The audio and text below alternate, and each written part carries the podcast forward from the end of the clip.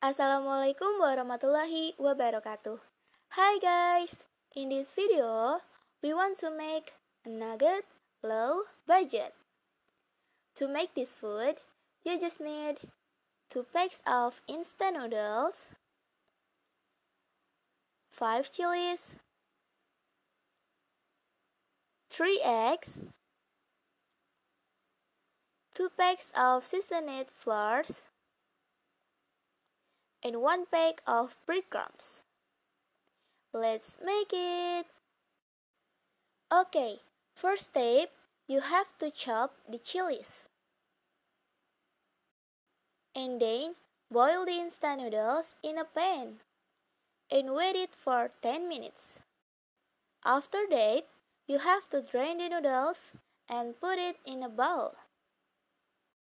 Next, you have to add some seasonings and crack the eggs into a bowl.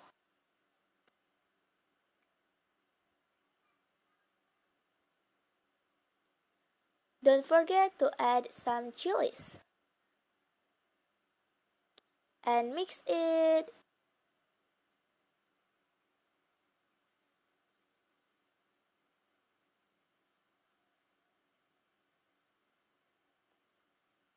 For the next step, you have to steam the dough in the pan.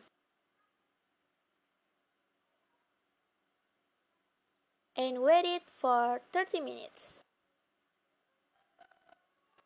Next step, cut the dough and mix it into the wet flour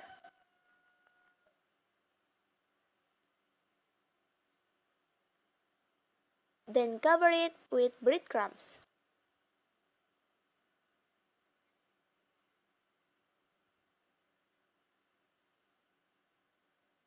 And last but not least, you have to fry it out into boiling oil until its color turns golden.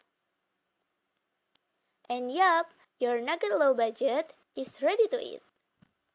Thanks for watching. Don't forget to try it at your home. Bye bye.